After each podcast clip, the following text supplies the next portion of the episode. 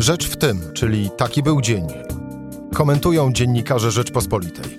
Cezary Szymanek, zapraszam.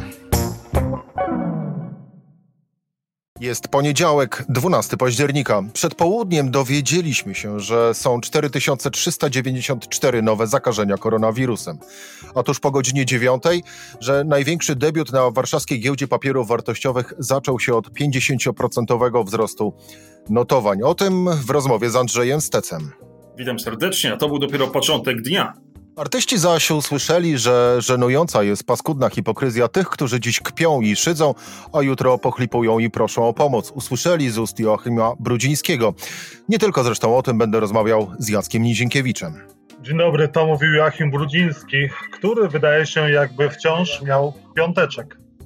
No i to też jest kolejny dzień, gdy słychać zachwyty nad Igą Świątek. Jednym z milionów zachwyconych jest cały czas Mirosław Żukowski. Dzień dobry z tenisowym pozdrowieniem i chciałbym w tym zachwycie dostać, zostać przynajmniej do stycznia, to znaczy do Australian Open. Rzecz w tym, że zapraszam. Cezary Szymanek, dzień dobry. Posłuchaj i wejdź na stronę podcasty.rp.pl. Włącz subskrypcję kanału Rzecz w tym w serwisach streamingowych. A my na początek e, naszej dzisiejszej audycji przenosimy się na Warszawską Giełdę Papierów Wartościowych, a właściwie do redakcji Rzeczpospolitej. Tam Andrzej Stec, zastępca redaktora naczelnego Rzeczpospolitej i redaktor naczelny Gazety Giełdy Inwestorów Parkiet. Cześć Andrzeju. Witam, witam. Jak obstawiałeś debiut? No przyznam się, że aż takim optymistą to nie byłem. Obstawiałem, że będzie 10, może 15% przebitki, ale 50% przebitki chyba nikt na rynku nie przewidywał. No właśnie, o godzinie 9.15 na GPW ruszył handel akcjami Allegro. Otwarcie jak e, marzenie, wzrost o 51% z 43 do 65 zł za walor. To tak było na, na początku. Co ten debiut Twoim zdaniem oznacza dla warszawskiej giełdy papierów wartościowych? E, oznacza jedno, że pieniądze na rynku są i to bardzo duże pieniądze. Wystarczy mieć e, dobrą branżę cyfrową, technologiczną albo być producentem gier i żadna niepewność, czy na rynkach, czy w gospodarce, nie jest ważna. Inwestorzy będą kupować akcje i będą za nie godziwie płacić. Także to jest na pewno sygnał do potencjalnych innych emitentów. E, a dla inwestorów. No właśnie, bo z drugiej strony, z drugiej strony, Andrzeju, przepraszam, że przerwę, ale to dopiero trzeci debiut w tym roku, więc e, no, skąd ten optymizm u ciebie taki? No niestety, e, jeden udany debiut, choćby tak spektakularny, no nie, nie zmieni całego obrazu polskiego rynku kapitałowego, który no jest dość szary i, i tak w ciągu jednego dnia to się nie zmieni. Mamy w tym roku dopiero trzeci debiut, ale prawdopodobnie z parkietu zejdzie aż 15 emitentów, emitentów zdrowych, mocnych, o dobrych fundamentach, ciekawych dla inwestorów. Także no, niestety na jedną spółkę wchodzącą trzy z niej schodzi. Y, I to jest, y, to jest niedobre, to nie, nie wygląda to dobrze, zwłaszcza, że to jest trend, który się już utrzymuje od, od wielu, wielu lat. No, pozytywne jest to, że, że na warszawskim parkiecie przybywa y, firm technologicznych. Jest y, teraz moda na spółki, na producentów gier, y, których zapewne w najbliższych miesiącach i kwartałach jeszcze znacząco przybędzie na naszym parkiecie. Także no, to jest światełko w tunelu dla naszego parkietu. No właśnie, bo tak naprawdę prym ostatnimi miesiącami głównie wiodą spółki technologiczne na warszawskiej giełdzie papierów wartościowych. O nich mówi się de facto najwięcej. Czy powoli GPW e, za, zamienia się e, w giełdę właśnie dla spółek technologicznych? Bardzo, bardzo bym tego sobie życzył i, i pewnie wszyscy inwestorzy, ale tak naprawdę dzisiaj myślę sobie, że krajowi inwestorzy poczuli smak, poczuli zapach tej hossy technologicznej, która na innych globalnych rynkach, giełdach w Stanach Zjednoczonych, na Wall Street panuje już od prawie dekady. Tam e, spółki jak YouTube, jak Facebook, jak Google mają kapitalizację wielkości naszej całej giełdy. Także tam jest jest potężna hossa i trwa, technologiczna. Nasz rynek jest no, nieco inny. Wciąż ma, mają przewagę na nim y, no, przedstawiciele sektora finansowego, banki, które przeżywają od kilku lat słabą chwilę i pewnie ona jeszcze potrwa. Mamy firmy surowcowe, paliwowe, które też cierpią na tanią ropę. W końcu mamy energetykę, która też przeżywa swoje słabe chwile. Także no, cieszy się trzeba, że takie spółki jak, jak Allegro, jak producenci gier wchodzą na parkiet, nie boją się niepewności i, i, i sprzedają dobrze swoje akcje, ale wciąż ich jest stosunkowo relatywnie niewiele, zwłaszcza na tle takiego tradycyjnego, ciężkiego, starego naszego rynku. To pozostając już przy samej spółce Allegro, y, myślisz, że teraz to będzie y, gwiazda giełdy? To znaczy, na pewno już jest gwiazda giełdy. Dzisiaj y, kurs rośnie 60-70%. Popularny wśród inwestorów wskaźnik cena zysk, który pokazuje, ile razy cena akcji przekracza przypadającą na akcję zysk, jest równy niemalże 200, czyli jednym słowem, cena akcji przekracza aktualnie niemal 200 razy przypadający na nią zysk. Więc no, widać tutaj potężne nadzieje i, i, i optymizm wokół tej spółki. Mm, kapitalizacja przekracza 70 miliardów złotych, czyli jest wyższa niż niemal trzy nasze tuzy, jak Orlen, jak PZU, czy, czy, czy mm, jeszcze PKBP na przykład, razem wzięte. Także to robi wrażenie. Na pewno już jest gwiazdą, jest największą spółką na warszawskim parkiecie, najwięcej będzie ważyła w indeksach naszych krajowych. A czy mm, pójdzie, tak jak to powiedział dzisiaj prezes tej spółki na warszawskim parkiecie, w górę i sky is the limit w przypadku tej spółki, no to się zobaczymy. Trzymam kciuki, żeby tak było. To trzymamy kciuki, no bo y, powiedzieć, czy kupować, czy nie kupować akcji Allegro nie możemy, e, bo to nie jest nasza e, rola. Andrzej Stec, zastępca redaktora naczelnego Rzeczpospolitej, redaktor naczelny Gazety Giełdy Inwestorów Parkiet. Dziękuję. E, dziękuję bardzo, a już za chwilę Jacek Nizinkiewicz.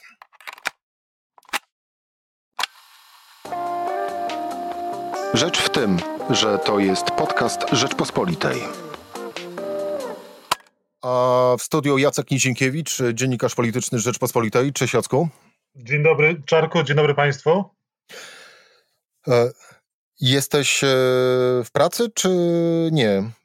Takie podchwytliwe pytanie na początek. Jesteśmy w pracy, bo tak naprawdę czasy są takie, że my nie możemy sobie zrobić nawet chwili wolnego. Pracujemy chyba więcej niż jeszcze przed pandemią, niż przed e, tym kryzysem, w który wchodzimy, ekonomicznym również. No, bardzo dobra odpowiedź, ale nie o to pytałem, bo właściwie e, chciałem zapytać, e, czy nosisz maseczkę, czy też nie, przywołując tu słowa Michała Dworczyka, szefa kancelarii premiera, który tak właśnie tłumaczył Jarosława Kaczyńskiego, który maseczki nie miał, a i dystansu nie zachował w trakcie weekendowego bądź co bądź publicznego wystąpienia. Miało to mniej więcej tyle sensu, e, ile tłumaczenia, jak ja bym się w tej chwili, w tej chwili tłumaczył, że no, ja w sumie też nie potrzebuję maseczki, bo jestem w pracy, czyli pracuję u siebie w domu. No nie, no to jest jednak irracjonalne. Prezes Jarosław Kaczyński niejednokrotnie pokazał, że jest niczym Chuck Norris. Jakby jego e, ta pandemia nie dotykała, tylko koronawirus jego się boi, ponieważ niejednokrotnie chodził bez maseczki, kiedy wszyscy inni byli do tego nakłaniani, służby mundurowe e, po ulicach Polski nakłaniały Polaków do tego, żeby chodzili w maseczce e, lub też trzymali duży odstęp, a prezes Kaczyński, jak to Kazik Staszewski w utworze Twój ból jest większy niż mój, słusznie ujął, no on nie musiał. Teraz również pokazuje, że w trakcie zaprzysiężenia ministrów przez prezydenta Andrzeja Dudę, to też nie musi nosić tej maseczki, nie musi trzymać dystansu. Wczoraj widzieliśmy na uroczystości wręczenia nagrody Bronisławowi Wilcztajnowi. No, Jarosław Kaczyński również był bez maseczki, e, bez rękawiczki, nie trzymał odpowiedniego odstępu, a e, tłumaczenia szefa kancelarii premiera, pana Dworczyka, z całym szacunkiem dla niego są kuriozalne. No właśnie, tak naprawdę tych e, cytatów i e, zachowań e, polityków w kontekście pandemii koronawirusa, o których być może chcieliby zapomnieć, tak miejmy takie optymistyczne podejście, jest, jest multum. Politycy zdają czyn, czynami i słowami egzamin w tych czasach, twoim zdaniem? Nie, i nie chodzi tylko o polityków Prawa i Sprawiedliwości, bo jeżeli widzimy również polityków opozycji, którzy bardzo często prezentują swoje zdjęcia w mediach społecznościowych, na przykład Michał Dworczyk z prezydentem Warszawy Rafałem Trzaskowskim, gdzie e, na jakiejś jednej z uroczystości ulicznych czy też manifestacji oni byli również bez maseczek, no to coś tutaj jest nie tak. Tym bardziej oni tracą mandat, mówię tutaj o opozycji, do pouczania rządzących, żeby ci przestrzegali tych wszystkich rygorów, które sami narzucają i sami apelują do społeczeństwa o ich przestrzeganie.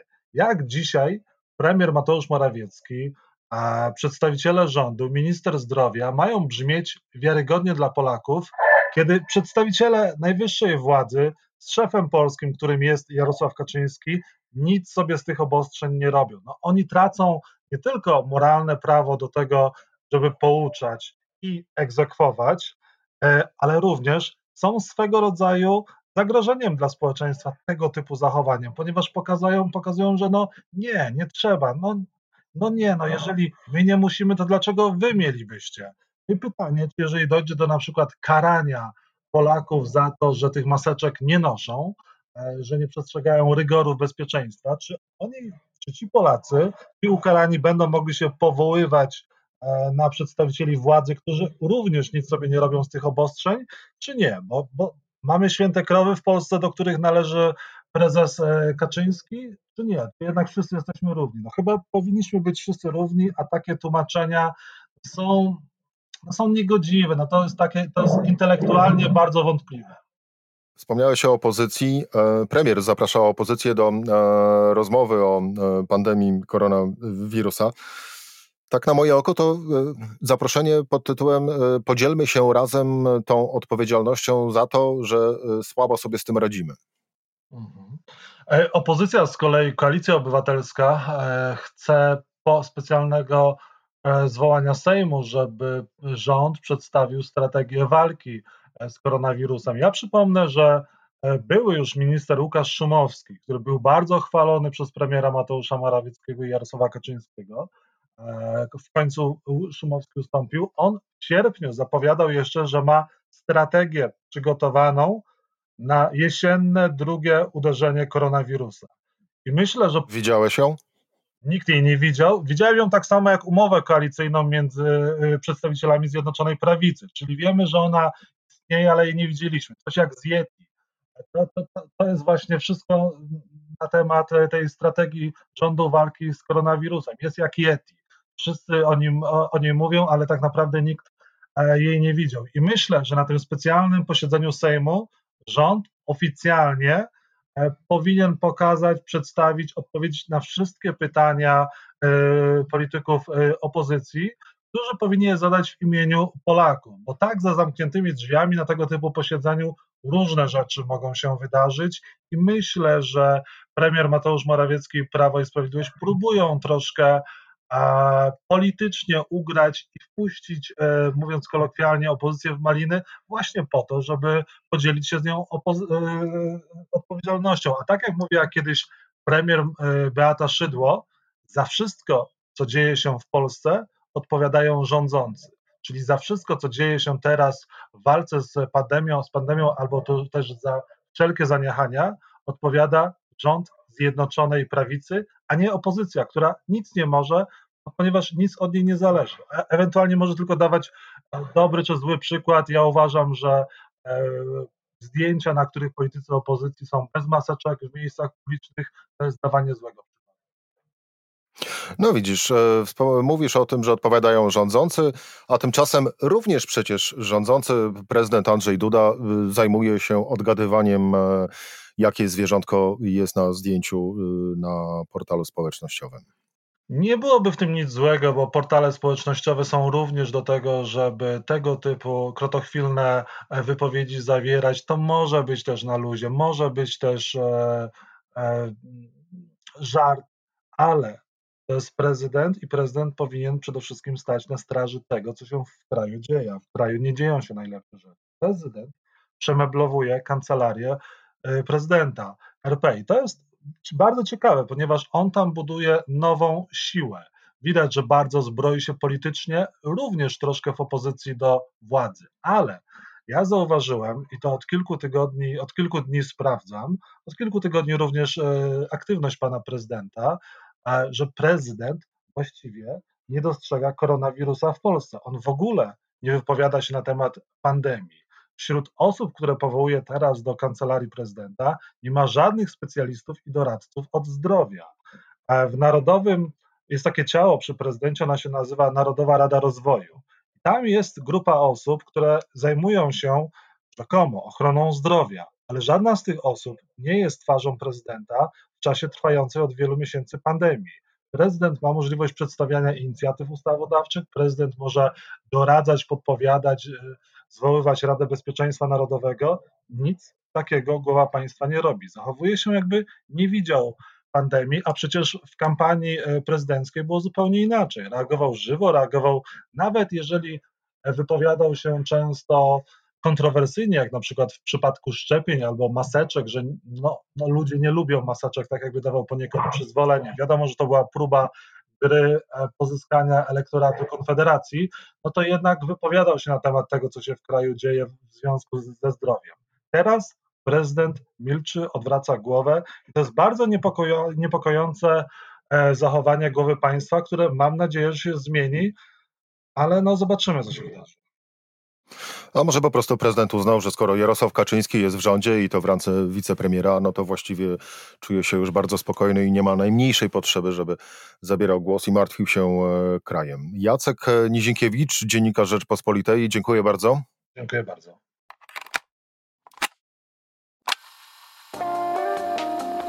Rzecz w tym, że to jest podcast Rzeczpospolitej. A teraz przenosimy się do Mirosława Żukowskiego, szefa działu sportowego Rzeczpospolitej. Mirku, dzień dobry. Dzień dobry, kłaniam się. O to, czy oglądałeś mecz Igi Świątek, nie będę pytał, ale, bo, bo to jest pewne, ale zapytam, czy sprawdzałeś swoje tętno w trakcie tego meczu? No, Bogu dzięki, mecz był w sobotę, bo to, bo to dla mnie oznacza, że mogę go oglądać spokojnie. Oczywiście RPPL, czyli nasza online'owa redakcja wymaga ode mnie bardzo dużo, ale jednak no tam nie ma czegoś takiego jak deadline gazety papierowej, e, który e, gdyby ten mecz był w niedzielę, to wtedy twoje pytanie o tętno byłoby e, no naprawdę dla mnie bolesne, bo ono byłoby wysokie. Natomiast nie ma co udawać, że ja nie, się nie denerwowałem. Na tym turnieju byłem chyba 26 czy 27 razy i przede wszystkim byłem zły. Byłem zły, że e, jeździłem tyle lat. Że cię tam nie ma. Tak, że jeździłem tyle lat i nic bardzo istotnego z polskiego punktu widzenia się nie działo. A jak raz e, pandemia mi ten wyjazd e, uniemożliwiła, to się, to się dzieją takie rzeczy. Ale złość mi szybko przeszła, bo zobaczyłem, że ze mną czy beze mnie dzieją się tam dla nas, dla nas wydarzenia fantastyczne, które będziemy wszyscy długo pamiętali. No, Iga Świątek. Czy to jest sensacja? Oczywiście jest. Czy myśmy się spodziewali, że ona będzie tak dobrze grała? E, ja powiem wyraźnie, że spodziewałem się, ale nie tak szybko, bo Iga Świątek potrafiła już grać dwa genialne gemy, trzy genialne gemy, nawet seta, ale potem zawsze, jak to u, u juniorów, jak to u bardzo młodych zawodników, przychodził moment takiego załamania, jakichś trudności e, e, w trakcie gry, kiedy rywalka zaczynała podnosić głowę, i wtedy zwykle iga pękała. Wtedy zwykle zaczynały się bezradne spojrzenia w stronę boksu, rzucanie rakiety, nerwowe reakcje i wiedzieliśmy, że, że to już z tego może nic nie być. A tutaj, w tym turnieju, oprócz znakomitych walorów technicznych, bo ona pod względem technicznym jest właściwie tenisistką ukształtowaną już na poziomie czołowej światowej dziesiątki. Może nie licząc jednego uderzenia, i tutaj ten debel bardzo będzie przydatny, jeśli go będzie dalej grała, mianowicie woleja. Ona jest zawodniczką światowej czołówki już. Natomiast tym, co się zmieniło tutaj, to było to, że ona na tym poziomie grała długo i ona grała najlepiej wtedy, kiedy było to najbardziej potrzebne. Kiedy we wszystkich meczach wygrywała w miarę gładko, ale w każdym z nich zdarzały się jednak momenty, kiedy przeciwniczka odrobinkę podnosiła głowę i wtedy ta dawna Iga, no nie wiadomo co by zrobiła, a w tej chwili ona szła z pewnością w oczach, z pewnością w nogach i z jeszcze większą pewnością w ręce po zwycięstwo. I to wydaje mi się jest przełom, e, z którego no, mam nadzieję, coś będzie wynikało.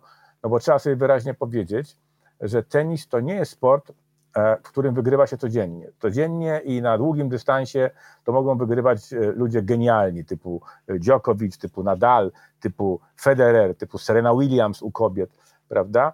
Natomiast Iga Świątek będzie przegrywała.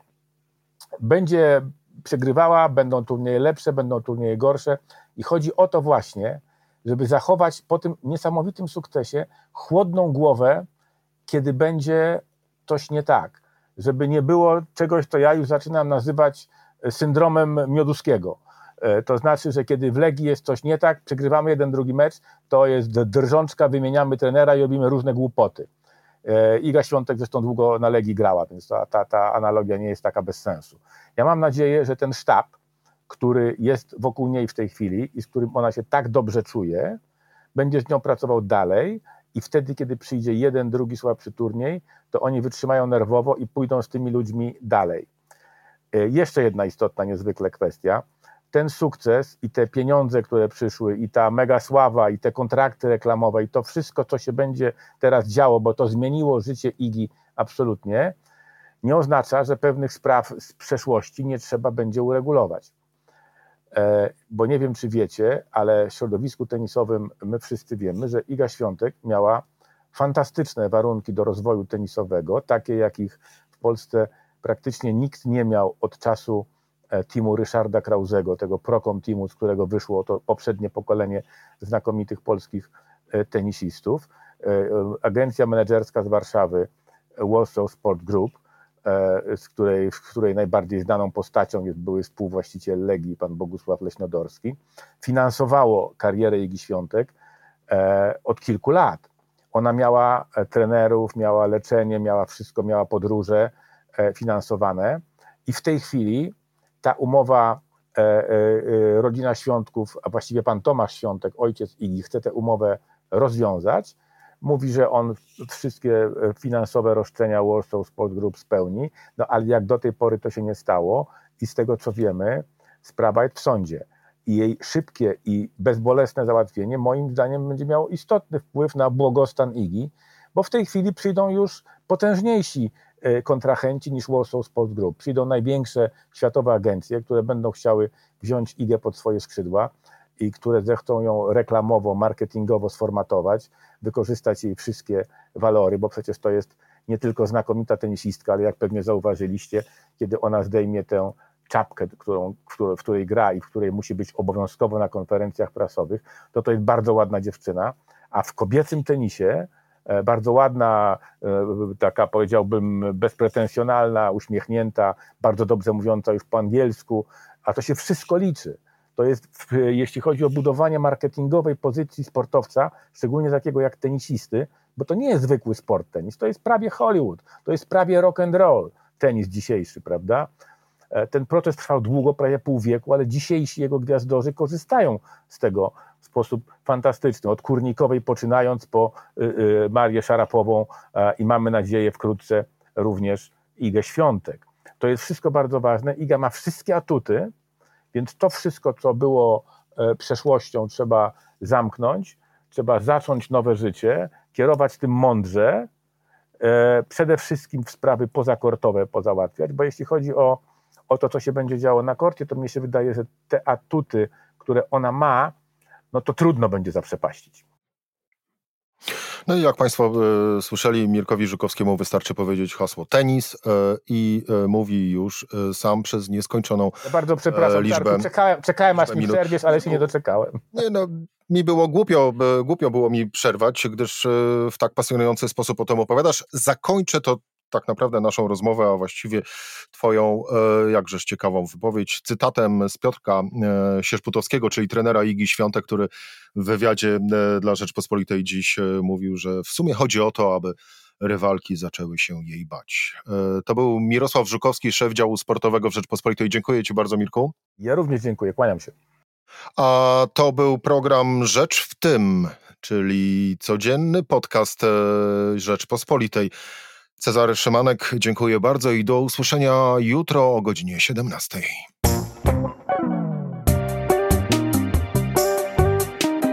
Rzecz w tym To codzienny program Rzeczpospolitej. Od poniedziałku do czwartku o godzinie 17.